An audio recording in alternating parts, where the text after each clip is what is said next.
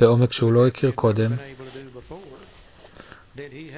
ואז הוא חווה חוויה רוחנית, והוא החלים גם מאלכוהוליזם. וזה נראה שהוכיח שאלכוהוליסט אחד יכול להשפיע על אלכוהוליסט אחר כמו שאף אחד שהוא לא אלכוהוליסט יכול. כשאנחנו חולקים את הסיפור שלנו עם חבר חדש, אנחנו יכולים להשפיע עליו כמו שאף לא אלכוהוליסט יכול. כי יש לנו הזדהות מיידית לגבי האלרגיה הפיזית, לגבי האובססיה המנטלית, לגבי איך שאנחנו חושבים ומה שאנחנו עושים. וזה גם הוכיח שהעבודה אינטנסיבית עם אלכוהוליסט אחר היא חיונית להחלמה לאורך זמן. כי ביל הלך להשתכר. הוא לא באמת הלך לדוקטור בוב בשביל לפקח את דוקטור בוב. הוא הלך לראות את דוקטור בוב כדי לשמור את ביל ווילסון נקי. אז זה הוכיח באותו לילה שהעבודה עם אלכוהוליסט אחר היא חיונית להחלמה העצמית שלנו. אז מיד. אחד, חלק מהעשר עקרונות של אוקספורד היה לתת את זה כדי לשמור את זה, אתה חייב לתת את זה. אז הם החליטו שהם חייבים למצוא עוד אלכוהוליסט, לדבר איתו. ודוקטור בוב התקשר לבית החולים העירוני, איפה שהוא פעם היה עובד, דיבר עם האחות הראשית ושאל אותה, יש לכם עוד אלכוהוליסט שאנחנו יכולים לבוא ולדבר איתו? אנחנו מאמינים שמצאנו דרך לעזור לו להתגבר על אלכוהוליזם. היא אמרה, או, כן, יש לנו איזה אחד רציני שם למטה. הוא נתן עכשיו פנסים בשתי העיניים של איזה אחות. קשרנו אותו למיטה, ודוקטור בוב אמר, שימי אותו בחדר פרטי, אנחנו נגיע לשם מחר בבוקר. היא אמרה, אוקיי. ודרך אגב, דוקטור בוב, ניסיתם את זה על עצמך? אז למחרת בבוקר הם הגיעו לשם לראות את הבחור הזה, קראו לו ביל דאטסון. אתם רואים את התמונות בחדרי AA בכל העולם, האיש על המיטה, וזה ביל ובוב יושבים ומדברים עם ביל דאטסון. הם לא דיברו עם ביל דאטסון על הבעיית שתייה של ביל דאטסון, הם דיברו איתו על הבעיית השתייה של עצמם. ודרך החלוקה של הסיפור שלהם, ביל דאטסון יכל מיד לראות בעצמו את הבעיה שלו. אתם מבינים, הוא אף פעם לא ידע על האלרגיה והאובססיה. יכל לקבל את העובדה שהוא חסר אונים לחלוטין מול אלכוהול, הוא הצליח להיות, לקבל כוח, עזרה של כוח עליון כדי להחלים. דיברו איתו על, ה, על, ה, על הנצרכות לחוויה רוחנית שצריך ליישם את תוכנית הפעולה הפרקטית כדי להחלים. סיפרו לו איך הם מימשו את התוכנית פעולה הזאת. ואת התוצאות שהם קיבלו. יומיים אחר כך ביל דודסון אומר לאשתו, תביאי את הבגדים מהארון, אנחנו הולכים הביתה. הוא עולה ומתלבש, הוא הולך הביתה והוא מתחיל ליישם את תוכנית הפעולה. ומי היה מאמין, הוא חווה חוויה רוחנית והוא מחלים מאלכוהוליזם גם כן. עכשיו זה הופך אותם לשלושה. בקיץ של 35 בעכו, שלושתם ידעו את הבעיה.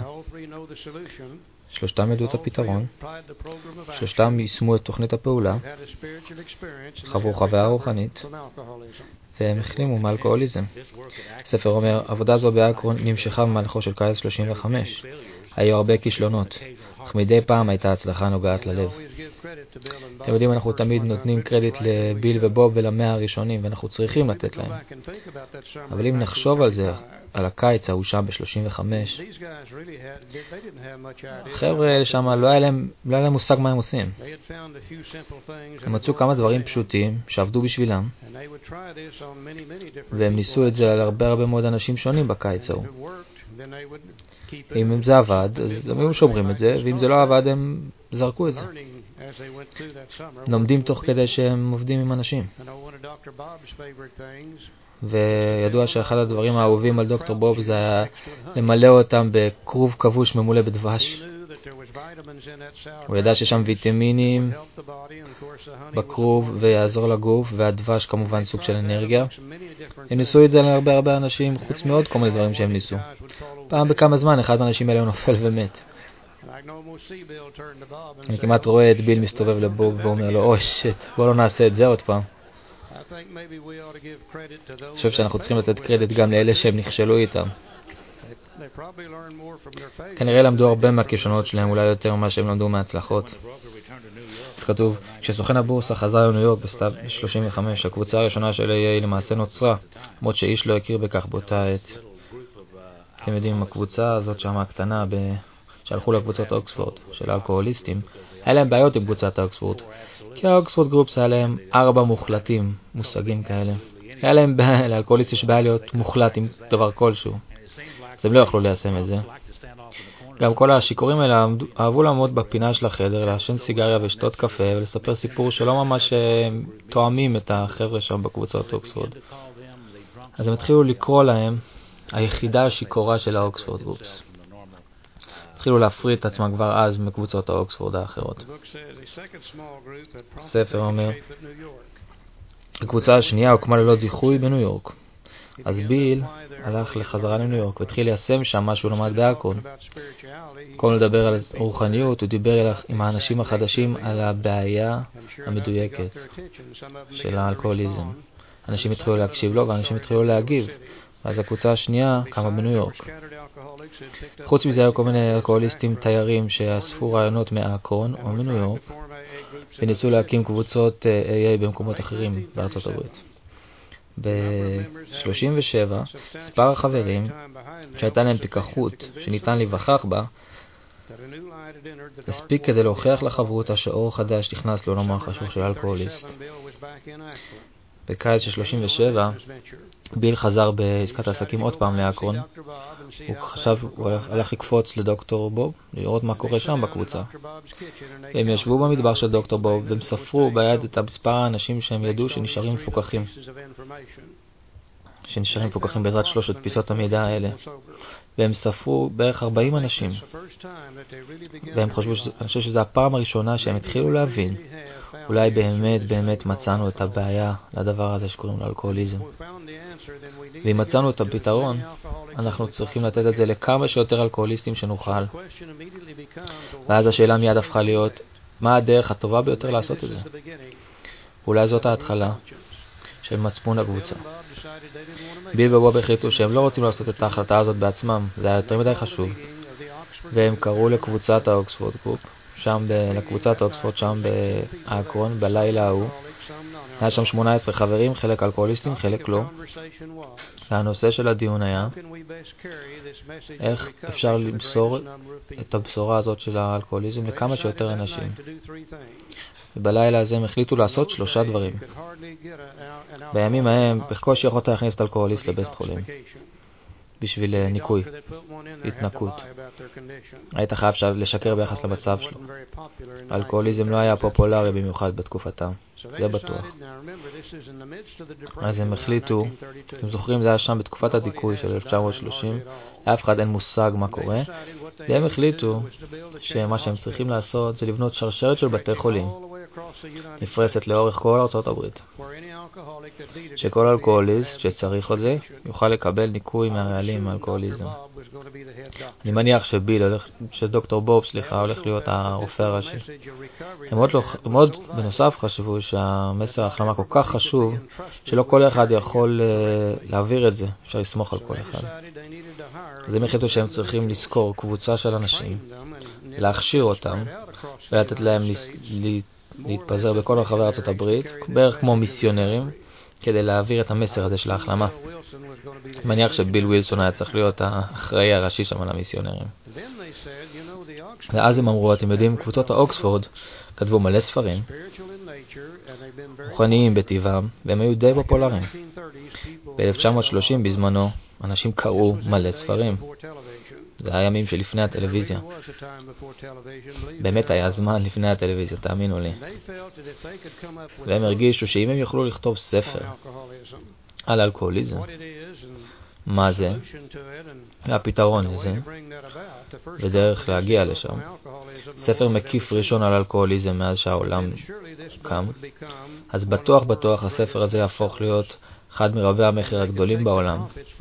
הם יוכלו לקחת את הרווחים מהספר ולבנות בתי חולים ולהכשיר את המיסיונרים. זה אחת הסיבות מאחורי הספר. אני חושב שאחת הסיבות העיקריות מאחורי הספר היה שהם כבר התחילו לשים לב שלמסור את המסר הזה באחד על אחד, בין אדם אחד לבן אדם אחר, זה כבר היה חייב להשתנות. אתם יודעים איך זה בני אדם, אנחנו שומעים משהו טוב, אנחנו אוהבים לחזור על זה. אבל אנחנו נוסיף טיפ-טיפה לזה. ואז הבא כבר יוסיף עוד טיפ-טיפה, וקצת יותר, ואחרי כמה זמן זה כבר לא תואם את הדבר הראשון שהיה. זה זה מה שאנחנו באמת צריכים לעשות, זה לקחת את שלושת פיסות המידע האלה, לגבי הבעיה, הפתרון, ותוכנית הפעולה, לשים את זה בצורה כתובה, במקום שזה לעולם לא ישתנה יותר ולא יתבלבל, וכל אלכוהוליסט בעולם, בעתיד, יהיה לו בדיוק את אותו אינפורמציה, וזה יהיה טהור. והם החליטו באותו לילה לכתוב את הספר הגדול אלכוהוליסטים אנונימיים. תודה לאל שרק אחד משלושת הדברים האלה שהם החליטו באותו לילה התגשם. הם אף פעם לא זכו להקים את הבתי חולים, כי הספר לא עשה כל כך הרבה כסף בהתחלה. לא זכו לזכור את המיסיונרים, אבל הם כן זכו לכתוב את הספר. אז כתוב, ההחלטה הזו הניבה פירות באביב 39 עם פרסום ספר זה. חברותא בזמן הזה מנתה 100 גברים ונשים. לילה אחד הם החליטו, ניסו לכתוב, להחליט איך יקרא לספר, איך חיפשו שם לספר. אז הם אמרו, בוא נקרא לזה הדרך החוצה. נשמע כמו שם טוב. עשו קצת חיפוש מחקר וגילו שיש בערך 10 או 12 שמים, שמות של ספרים כבר שקוראים להם ככה, הדרך החוצה. אז אמרו, אוקיי, בוא נקרא לזה הגיע השחר. זה גם היה נשמע לא רע. דיברו על זה קצת, דחו את זה. מישהו אמר נקרא לזה, בוא נקרא לזה 100 גברים, וזה ממש היה נשמע כמו שם טוב לספר, ואז אישה הצטרפה לקבוצה. הם לא יכלו לקרוא לזה 100 גברים ואישה, אז הם גם זרקו את הרעיון הזה. ביל הציע שיקראו לזה התנועה של ביל W. הם דיסקסו בזה בחמש דקות והעיפו את זה. ואז ערב אחד מישהו הציע שהם אמרו, אנחנו אלכוהוליסטים, אנחנו רוצים להישאר אנונימיים, אולי נקרא לזה אנונימיים אלכוהוליסטים. ואז אמרו, אה, בוא נקרא לזה אלכוהוליסטים אנונימיים. כן, וככה זה נתפס, וככה נקרא לספר, אלכוהוליסטים אנונימיים. זה האלכוהוליסטים האנונימיים הראשון שהעולם ראה, הספר, שקוראים לו אלכוהוליסטים אנונימיים. אז כתוב, החברותה מתפתחת, שעד אז הייתה חסרת שם, החלה להיקרא אלכוהוליסטים אנונימיים, בדיוק כשמו של הספר שלה. עכשיו יש לנו שתי אלכוהוליסטים אנונימיים. יש לנו את הספר שהם קוראים לו אלכוהוליסטים אנונימיים, ויש לנו חברותה שקוראים לו אלכוהוליסטים אנונימיים. שתי AA, ועדיין יש לנו את זה היום. אני חושב שזה מאוד מאוד חשוב שנחשוב על זה רגע. קבוצה של אנשים, הזאת, שהיו חסרי שם, קראו להם היחידה השיכורה של הקבוצות האוקספורד, כתבו ספר, ובספר הזה הם שמו את תוכנית ההחלמה שלהם, והם קראו לספר אלכוהוליסטים אנונימיים. ואחרי שהספר פורסם, אז הם החליטו לקרוא לעצמם אלכוהוליסטים אנונימיים. ב-39, תוכנית ההחלמה והספר שבספר והתוכנית שבחברותה של AA היו בדיוק אותו דבר, הם היו זהות. הספר אז הלך להתפרסם בכל רחבי ארצות הברית. האדם הראשון בקליפורניה פה קיבל את הספר. קרא אותו, למד אותו, עשה מה שהוא אמר, החלים מאלכוהוליזם, הקים קבוצה, קרא לאלכוהוליסטים אנונימיים. האדם הראשון בארקנסול קיבל העותק של הספר הזה, למד את זה, קרא את זה, שם מה שזה כתוב, החלים, הקים קבוצה שקוראים לאלכוהוליסטים אנונימיים. עכשיו, הגדילה של החברותה הגיעה מהספר, אלכוהוליסטים אנונימיים. וכשהחברותה התחילה לגדול ולצמוח, הם התחילו לשים לב למשהו שלמאה הראשונים לא היה. הם התחילו לשים לב לכוח הגדול של חברותה, של אנשים שנמלטו מהבעיה המשותפת. המאה הראשונים לא היה להם את זה, היה להם רק מאה אנשים, נקודה. אבל החברותה, כשהיא התחילה לגדול, וגדלה וגדלה, הם התחילו לחוות את הכוח של החברותה. ואז הם התחילו לפקפק בנחישות של התוכנית שכתובה בספר. הם אמרו, האם אתה מתכוון שאנחנו באמת צריכים למסור את כל רצוננו ואת חיינו להשגחת אלוהים כפי שאנו מבינים אותו? או אנחנו יכולים למסור לו רק את השתייה ולוותר על כל השאר?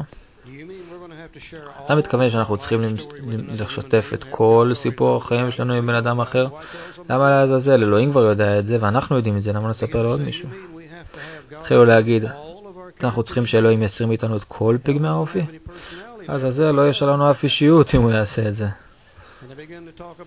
הם התחילו לדבר, האם אתה חושב שאנחנו צריכים לעשות כפרה בפני כל האנשים שפגענו בהם? התחילו להגיד, אה, אולי לא כל זה אנחנו צריכים לעשות. אולי יכולים לקחת חלק ולהשאיר חלק. אולי אנחנו יכולים לעשות את זה בסגנון קפיטריה. לבחור מה שאנחנו רוצים ולהשאיר את מה שאנחנו לא צריכים. ואז לאט לאט הגיעו גם מרכזי הגמילה.